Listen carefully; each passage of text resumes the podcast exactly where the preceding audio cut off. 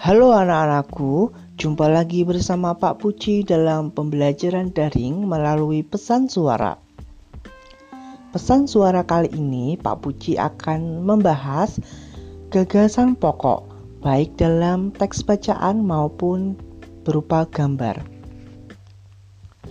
Kalian sudah mempelajari cara menentukan gagasan pokok pada teks bacaan.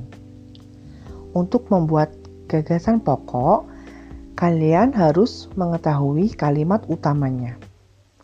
Kalimat utama itu berada di awal atau akhir kalimat pada setiap paragrafnya. Jika kalimat utamanya di awal paragraf, berarti gagasan pokoknya di kalimat pertama itu.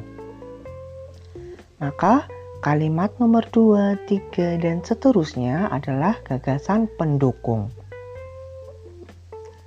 Apabila kalimat utamanya berada di akhir paragraf, misalnya di, para, di kalimat nomor 4, maka gagasan pokoknya berada di kalimat nomor 4. Maka kalimat nomor 1, 2, dan 3 adalah gagasan pendukung. Lalu, bagaimana dengan menentukan gagasan pokok berdasarkan gambar? Cara menentukannya sangat gampang.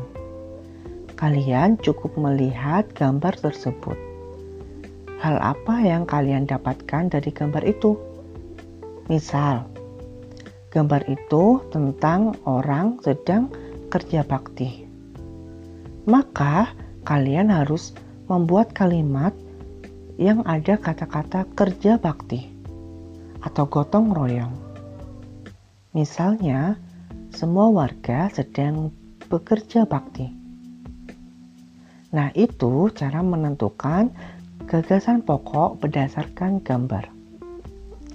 Kalian cukup melihat gambar apakah itu, kemudian dibuat menjadi kalimat yang terdiri dari beberapa kata.